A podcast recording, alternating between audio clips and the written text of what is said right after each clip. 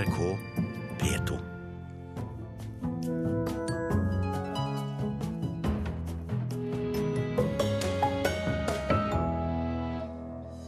Stadig flere vil bruke musikk på plate i begravelser, men kirken stritter imot. Henny Jonstad Kunstsenter lager bok og utstilling av saken som førte til at de på fredag leverte tilbake et Matisse-maleri.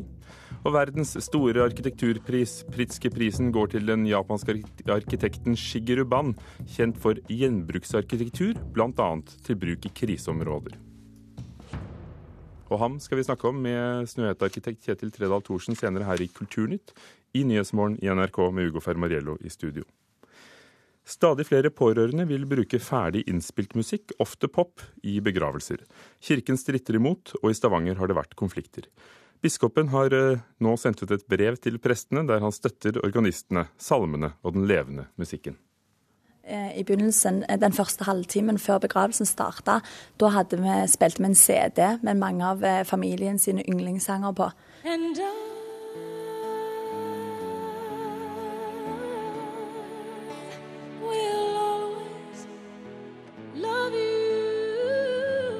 Da Kjersti Nising skulle begraves i september, var det ikke orgeltoner som møtte de sørgende som kom til Revheim kirke i Stavanger. Da moren døde av kreft bare 47 år gammel, ville datteren Katrine Nising Nedrum Lande og resten av familien ha mye musikk, både på CD og framført live. Men orgel og kirkemusikk var det nesten ikke noe av i seremonien. Eh, vi valgte å ha musikk som vi visste mamma likte. Vi valgte vekk salmer pga. de sangene som vi valgte, følte vi var mer eh, personlige og mer eh, betydningsfulle da, enn en salme der du bare lovpriser Guds ord. Vi vet at i vanlige kirkelige begravelser så er det veldig vanlig å begynne og slutte med en salme. Og presten på en måte, han syntes at vi òg burde det hvis vi ville, men vi fikk lov å velge det vekk, og det gjorde vi. For presten i denne begravelsen, Arvid Steinum, driver også begravelsesbyrå. Han tilbyr kirkelige begravelser der han som prest bryter med kirkens liturgi. Det kan bety mye innspilt musikk, mindre bønn og andakt. Flere begravelsesbyråer NRK har snakket med, bekrefter at ønsket om populærmusikk, gjerne på CD eller lydfil, er blitt en trend. Da legges gjerne en personlig sang inn i minnedelen av seremonien, men Steinum har altså gått enda lenger. Er det orgelet som er saliggjørende her? Det mener vi bestemt nei til. Den riktige avskjeden er det familien ønsker å gi eh, som et minne til seg sjøl og til andre som kommer. Jeg tror det er mer enn bare en personlig preferanse. Jeg tror det er snakk om en kulturell arv. Det sier biskopen i Stavanger, Erling Pettersen. Han har sendt ut et brev til prestene i bispedømmet der han støtter organistene. Med henvisning til tidligere uttalelser fra biskopene i Nidaros og Nord-Hålogaland skriver Pettersen at musikken er best når den får være levende og nær. Det er noe med at den levende musikken den berører oss på det innerste, og det blir en kommunikasjon. Og akkurat som jeg ikke tror at det er noe særlig ønske fra folk om å få presten på teip så tror jeg heller ikke at, eh, at kunstig, altså innspilt musikk kan erstatte det levende møtet. Å si at livemusikk er best for de sørgende, det, det, det fins det jo ikke belegg for. Det, det, blir tull. Eh, den musikken er best som familien eh, ønsker i, i, i en sørgesetting. Men Kirken er faktisk de som har ansvar i dette. Og det er slik at vi har noe som vi vil dele, som vi faktisk er eksperter på. Kirkens utfordringer med musikk i begravelser er også tema på et møte mellom byråer og kirkeansatte i Oslo denne uka. Mange vil fortsatt ha sine seremonier i kirken, men med mindre fokus på det religiøse. Slik det også var for Katrine Nising Nedrum Lande og familien da moren skulle begraves. En menneske blir jo mer og mer egoistisk, vi setter oss sjøl mer i fokus. Og det var det som dreide seg om vår begravelse, at vi ville sette mamma i fokus. Jeg har ikke foretatt noen innstramming, vil ikke foreta det, men vil at vi skal bruke det vi har. Kirken er ikke en del av underholdningsindustrien. Det som skjer i kirken er et møte med det hellige. Sa Stavanger-biskop Erling Pettersen til slutt, reporter Anette Johansen Espeland. Gunnar Hammersmark, direktør i Virke gravferd, som altså er bransjeorganisasjonen for begravelsesbyråene. Hvilke motsetninger oppstår mellom kirkens ønske om tradisjon og folks ønske om noe nytt? Det er ingen tvil om at dagens pårørende har en litt annen referanseramme og ønsker eh, til hva som de vil ha i en kirkelig gravferd. Og her kommer det en spenning eh, når musikken eh, ønskes å være personlig. Og det er ikke de kjente salmene eller kirkemusikkstykkene som står øverst på listen. Eh, da har eh, Kirken et rituale som de ønsker å forholde seg til. Og, og, jeg skjønner at Kirken skal ha et rituale. For de skal, det skal ikke vannes ut, det som er Kirkens eh, alternativ. Fordi pårørende i dag også har fått et annet alternativ. Og det er den livssynsåpne seremonien, eh, som da er alternativ til kirkelig gravferd. Og her blir det et spenningsfelt. Anbefaler dere eventuelt begravelse eller bisettelse utenfor kirken? Vår oppgave blir å informere pårørende om de alternative løsningene som er. Og historisk så har Kirken eh, stått særdeles sterkt når det gjelder kirkelig gravferd. I fjor var det vel ca. 92% av alle de 41 000 dødsfallene som valgte kirkelig gravferd. Men vi merker et, eh, et større spenn. At pårørende velger ut en kirkelig gravferd og velger en livssynsåpen for å få plass til mer av sine personlige ønsker. For der er det ingen begrensninger sånn sett på hva man kan ha med. Merker dere stor forskjell på hvor eh, vilje prester og de forskjellige menighetene er til å eh, lage en ny, annerledes begravelse? Ja, og her har Kirken en utfordring, fordi alle prester og organister har det samme kirkelige ritualet å forholde seg til. Så er det lagt inn en minnedel i det kirkelige ritualet, og der tolker prester og organister dette veldig forskjellig. Så vi opplever, eller pårørende kan oppleve, at det den ene familien fikk ja til, vil en annen familie få nei til. Og da ligger det en spenning i dette hva, eh, innen Kirken selv. Hva blir deres rolle da? Vår rolle blir å Vi kjenner etter hvert På de stedene vi opererer, så kjenner vi både prestene, og vi kjenner organistene, og vi kjenner ikke minst instrumentene. Jeg er enig med, med presten som sier at uh, levende musikk er det aller beste. Men noen ganger så er det ikke praktisk mulig. Enten fordi orgelet ikke har, uh, kan gjenskape den musikken som pårørende ønsker, eller at eh, organisten da sier at dette kan ikke jeg gjenskape. Og da har noen sagt at da er det bedre at vi i minnedelen i den kirkelige seremonien tillater eh, en CD-avspilling. Hvordan løses dette i andre land? Der er det langt mer bruk av eh, innspilt musikk. Det er det, ja. Denne uken hørte vi skal det være et møte mellom begravelsesbyråene i Oslo og, og Kirken. Hva ser du kommer ut av det møtet? Hva ser du for deg? Jeg syns for det første det er eh, kjempeålreit at de har satt seg sammen for å se på de utfordringene og de dilemmaene som dette er. Og Kirken eh, må eh, konkurrere med livssynsåpen seremoni. Og jeg skjønner at Kirken ønsker å se hva kan vi gjøre for å opprettholde vår høye markedsandel i kirkelige seremonier også i framtiden. Takk skal du ha, Gunnar Hammersmark, direktør i Virke gravferd.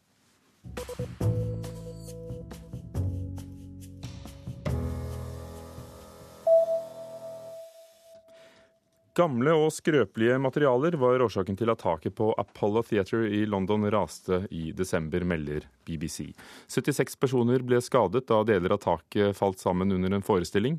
Lokale myndigheter har sendt brev til flere gamle teatre i West End om at materialene som er brukt i himlingene over tid kan svekkes. De anbefaler at eh, teatereierne straks gjør undersøkelser for å hindre nye ulykker i Londons kjente teaterområde. En australsk skrekkfilm er eh, lagt på is fordi handlingene minner for mye om det forsvunne Malaysia Airlines-flyet. Filmen Deep Water skal handle om et passasjerfly som styrter i Stillehavet på vei til Kina. Vi har satt filmen på pause av medfølelse for situasjonen rundt Malaysia Airlines-flyet, sier en representant for filmselskapet til Hollywood Reporter. Og filmen Last Flight er også blitt tatt av plakaten i eh, Kinas hovedstad Beijing pga. flyulykken og Poirot blir NRKs nye påskekrim.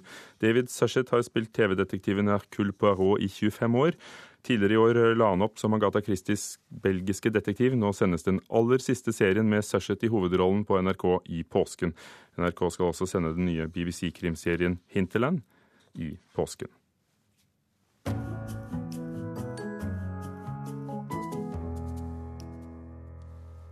Henny Onsdag kunstsenter skal lage bok, kunstutstilling og seminar av den saken som førte til at de fredag måtte gi tilbake det kjente maleriet 'Blå kjole i okergull lenestol' av Henri Matisse fra 1937, som de ga tilbake til den opprinnelige eierens arvinger. Så her er en bok eh, om Henri Matisse fra utgitt på Hattikans, og her ser vi bildet i vår samling eh, eh, gjengitt da med tittelen 'Blue Dress in Oker Armchair'. Hun har fortalt historien flere ganger før, men bildet som direktør Tone Hansen snakker om, befinner seg ikke lenger på Henny Onsdag kunstsenter på Høvikodden i Bærum. Damen som er portrettert eh, i bildet, hun heter Lydia Delektorskaja. Eh, og var modell for flere av eh, bildene til Matisse. Eh, og hun har selv gitt ut en bok om seg selv og hennes rolle i arbeidet med Matisse malerier. Hun var bl.a. også med på å male noen av de større bildene. Så det er en fin liten historie som er knyttet til dette bildet. Det hele starta i juni 2012, da Henny Onsdag ble kontakta av Pål Rosenbergs arvinger, som hevda at maleriet hadde blitt stjålet av nazistene under andre verdenskrig. Etter nesten to år med omfattende undersøkelser måtte kunstsenteret til slutt gi bildet tilbake til Rosenberg-familien. Og Det som eh, skjedde på fredag, var jo at vi ga fra oss et veldig viktig bilde i vår samling, og det er et sentralt verk også i Matisse sin karriere. Eh, og vi har mye kunnskap om historien. Eh, så det var en trist dag på fredag. Men nå begynner arbeidet med å fortelle en historie som er større enn maleriet selv.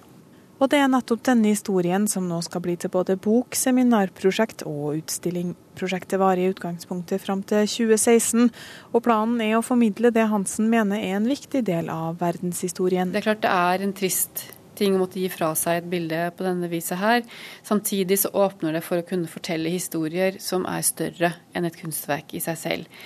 Eh, det er ikke lenger bare et maleri med en kvinne foran en lenestol. Det er et en brikke i verdenshistorien. Eh, og når vi kan koble kunsthistorie med et større historisk perspektiv, så er det mye gode historier vi kan fortelle. Eh, så Derfor så valgte vi å tenke sånn at eh, ja, det er trist, men vi kan ta et proaktivt forhold til historien og skape noe kreativt og positivt ut av historien, for den eier vi.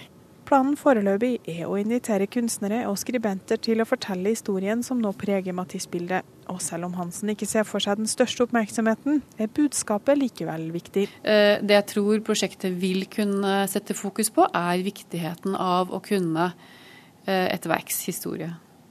Og de undersøkelsene som skal til for å kunne fortelle verkets historie. Sa Tone Hansen ved Jonstad kunstsenter til Runa Rød, som var vår reporter. Kvart over åtte, du hører på Nyhetsmorgen i NRK med disse overskriftene. Jens Stoltenberg må raskt avklare om han skal fortsette som partileder, ellers blir Arbeiderpartiet svekket, mener forsker Bernt Årdal. I Kina har rasende pårørende etter flyforsvinningen stått sammen med sikkerhetsvakter utenfor Malaysias ambassade i Beijing. Ulovlig fiske er både godtatt og helt vanlig i bransjen, viser en ny undersøkelse. Og senere i Kulturnytt anmelder vi en av de beste jazztrioene i Norge for tiden, sier i hvert fall vår anmelder. Den store arkitekturprisen Pritzker-prisen går i år til japanske Shigeru Ban. Hus båret av pappruller og midlertidige hus til katastrofeområder er noe av det han er mest kjent for. Ban fikk prisen bl.a. for å designe midlertidige hus til katastrofeområder. Kjetil Tredal Thorsen, grunnlegger av Snøhetta. Shigeruban, hvem er han? Han eh, er en av eh, disse japanerne som studerte i USA og har sin bakgrunn. Så det betyr jo i utgangspunktet at han har en fot innenfor begge disse kultursonene. Både den japanske og den amerikanske. I dag er han 56 år gammel. Han har kontor i Tokyo, New York og Paris. Paris ja. Mm. Går det an å snakke om en japansk arkitektur? Er det noe særegent? Ja, det går nok fortsatt an, fordi han har blitt av veldig mange av sine japanske tradisjoner tro. Uh, det gjelder jo ikke minst lettheten i materialbruk, som er en del av grunnen til at han fikk uh, Pritzker, nemlig papp og håndteringen av papir og lette materialer. Og veldig flyktige hus, på sett og vis, som jo er veldig sterkt knytta til en japansk tradisjon. Men samtidig så er formgivningen og håndteringen veldig prega av den amerikanske utdanningen. Hvordan ser du det? Kunne du sett med en gang på et hus at dette er er det nok Shigeru Band som har laget, eller? Ja, Shigeru Band sine hus er veldig lett gjenkjennelige, fordi de veldig ofte opererer med mange av de samme materialelementene. Men i romsekvens vil du òg se det. De er, noen av de er eksperimenterende, selvsagt, sånn som uh, Cooper Union School of Architecture uh, har gjort og lært sine folk opp å gjøre under ledelsen den gangen av John Hayduck. Men, men, det som kanskje er det viktigste, er romforløpene og hvordan forbindelsen mellom ute og inne egentlig ja, hva, er han, hva, er det han, gjør med han, han, eh, skillet? Han lar skillet forsvinne, på sett og vis. Sånn at en vegg er ikke lenger en vegg. En vegg kan være en transparent uh, halvtransparent, åpen uh, spilevegg med papprør, eller det kan være uh, en gardin, eller det kan være rett og slett en åpning i et bygg. Sånn at grensesnittet mellom ute og inne er, er, er, relativt mindre klart enn det er i veldig mange av de husene vi kjenner fra Norge og Norden. For han har faktisk tegnet et hus med et gardin som vegg til bruk om sommeren, og så kan du sette inn ruter om, om eh, vinteren i, Japan. Han tegner mange privathus, eh, og, og, også kjent for dette arbeidet for katastrofeområder, hvor han selv gikk til FN med forslag til løsninger, bl.a. etter jordskjelvet i Kobe og andre steder i, i, verden, hvor papprullene, eh, også kirker, av, av, båret av pappruller, han tegnet bibliotek av pappruller. Er det, er det et eksempel på at arkitektur kan løse noen problemer? Ja, Det er jo min absolutte mening at det kan. Og det er jo veldig uh, igjen prisverdig at, at Shigeru Band får det. For det betyr jo at Pris skal nå sette kanskje litt fokus på deler av arkitekturen som har vært satt litt lite fokus på. Og det er tydelig at det har vært en endring i, i priskomiteens måte å se dette på over de siste årene. Og det er litt mindre uh, star architecture, på en måte, som jeg jo setter stor pris på. og Det betyr jo da til sjuende og siste òg at verdien av arkitekturen kommer tydeligere fram. Og, og, navnet kanskje på vedkommende er kanskje av litt mindre betydning, i hvert fall for den, den glamorøse delen av arkitekturverdenen. Så Sigurd Ban er ikke en stjernearkitekt i den forstand som, så, som, noen som har fått prisen før, sa Hadid f.eks.? Nei, han er i hvert fall opererer på en helt annen måte. og Det betyr jo at uh, dybden i arkitekturen og virkningen av arkitekturen blir mye tydeligere, mye bedre. og Senest nå med åpningen av uh, den katedralen i Christchurch. Eh, etter jordskjelvet der, så har det vist seg at uh, dette har en voldsom samlende virkning. Og når arkitekturen er delvis midlertidig, så gir det et sterkt uttrykk. Priske-prisen har vært delt ut siden 79. Den er på 100 000 dollar. Norske Sverre Fehn fikk den i 97. Hvor stor er den?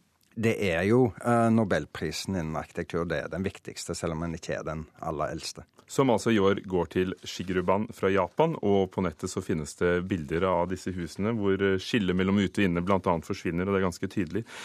Kjetil Tredal Thorsen, grunnlegger i Snøhetta. Eh, takk for at du snakket om det, men du skal også få snakke om et museum til minne om ofrene etter terrorangrepet på World Trade Center 11.9. i 2001. Det skal nå åpnes i mai. Der har Snøhetta tegnet 9-11 eh, Memorial Pavilion. Er du glad for at det endelig åpner? Ja, det kan du være sikker på, og det tror jeg mange. Uh, samtidig så har det vært viktig at det har tatt såpass god tid. Og vi er jo på sett og vis glad for at situasjonen på Ground Zero har fått lov til å modne seg i takt med utviklingen av New York og, og Bloombergs styre i New York. Blir helheten slik dere hadde tenkt dere da dere fikk oppdraget? Nei, langt ifra. Den har vært i kontinuerlig endring siden begynnelsen. Og fortsatt så oppleves det vel eh, som om virkeligheten kanskje kan endres enda et stykke framover i tid.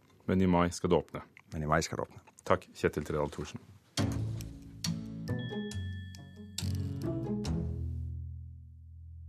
Veldig få utdanner seg til bunadskreddere, og Norges Husflidslag er bekymret for at kunnskapen om de gamle teknikkene blir borte. Nå trekker jeg tråder gjennom grindveven for å lage ei renning og så skal jeg da slå inn tråder imellom og veve ei stakkeledning. 30 år gamle Hedda Simonsen er en av to unge kvinner som går i lære hos Husfliden i Mandal for å bli bunadskreddere. Da er det veldig viktig at dette blir riktig. Men bare ni her i landet gjør det samme som hun. Nei, det eneste jeg ser for meg at det kan bli litt eh, ensomt om noen år til. Eller at det tar slutt. Det er jo det som er faren med det, da. At det er det går ut, holdt på å si. Frykter jo det, men håper jo ikke det. Ja, dette er en, en, en gammel stakk fra Byrmo som har ei sånn linning.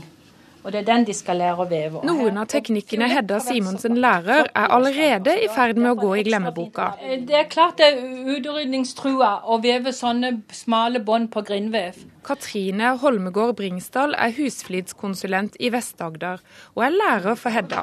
Og disse som er elever her, skal jo kunne litt mer eller helt vanlig. De skal kunne litt ekstra. Det er jo norske tradisjon. De kan kanskje i andre land gjøre, samme, gjøre det like fint. Men skal vi flagge ut vår tradisjon? Det er det som er hun sier Norge har internasjonale forpliktelser på å holde kunnskapen om de gamle bunadsteknikkene ved like. Det har de. De har skrevet under på, på, at de skal ta vare på den immaterielle kulturarven, og det er jo dette. Det vi frykter mest, det er at mangfoldet i bunadene blir borte. Direktør Marit Jacobsen i Norges Husflidslag er bekymra for den manglende rekrutteringa av bunadskreddere. At det, de, det rike mangfoldet som vi har i dag, eh, blir endra til at det blir bare noen få bunader. Bunader som er enkle å sy, som ikke er så krevende, og som i større grad kan masseproduseres. Eh, og da mister, da mister, man den unike bunadtradisjonen som vi har i Norge. Flere steder i landet er det allerede vanskelig å få tak i kvalifiserte folk som kan holde bunadskurs. Det, og det er også leveringskapasitet er det problemer noen steder. Eh, flere som, butikker som sier at det er umulig å få, få det gjort eh, sånn at de kan levere i tide. Nå skal ikke bunad være noe som, som, tar veldig kort tid å lage, men allikevel så må man ha man konkurrenter som, som produserer i utlandet, som, som, man må matche. Og Det er der det problemet oppstår hvis man ikke får, får uh, har leveringskapasitet i det hele tatt. Men er det noe galt å ha en bunad produsert i utlandet? Hvis man, uh, hvis man uh, skal ta vare på den norske bunadtradisjonen, så må vi som norske aktører sørger for at det er kvalitet, og at man holder, tar vare på den tradisjonelle måten å gjøre det på. Gjør på. Husflidslaget ønsker mer satsing på praktiske fag som søm i videregående skole, og økt støtte til bedrifter så de har råd til å ta imot lærlinger. Ofte så er dette små bedrifter. Veldig mange som driver med bunadssøm, drivsyr hjemme på oppdrag fra f.eks. Eh, butikker. Og de å ha de og da ha lærlinger, det er krevende og kostbart. De fleste vil jo helst ha datayrke i dag. Og det er jo klart at hånd, og, og, i skolen så er jo håndverket er jo nedprioritert. Så det er jo òg en av grunnene. Du må jo virkelig være interessert for å sette i gang med det. Men det er klart, det er mye arbeid, og det er, ikke, det er jo ikke den letteste måten å tjene penger på. Reporter Miriam Grov. Kulturnytt var ved Hanne Lunås teknisk ansvarlig, Halvor Haugen produsent, Ugo Fermariello programleder. I dag har vi hørt om pårørende som oftere ønsker popmusikk i begravelser, mens kirken stritter imot og vil ha orgel.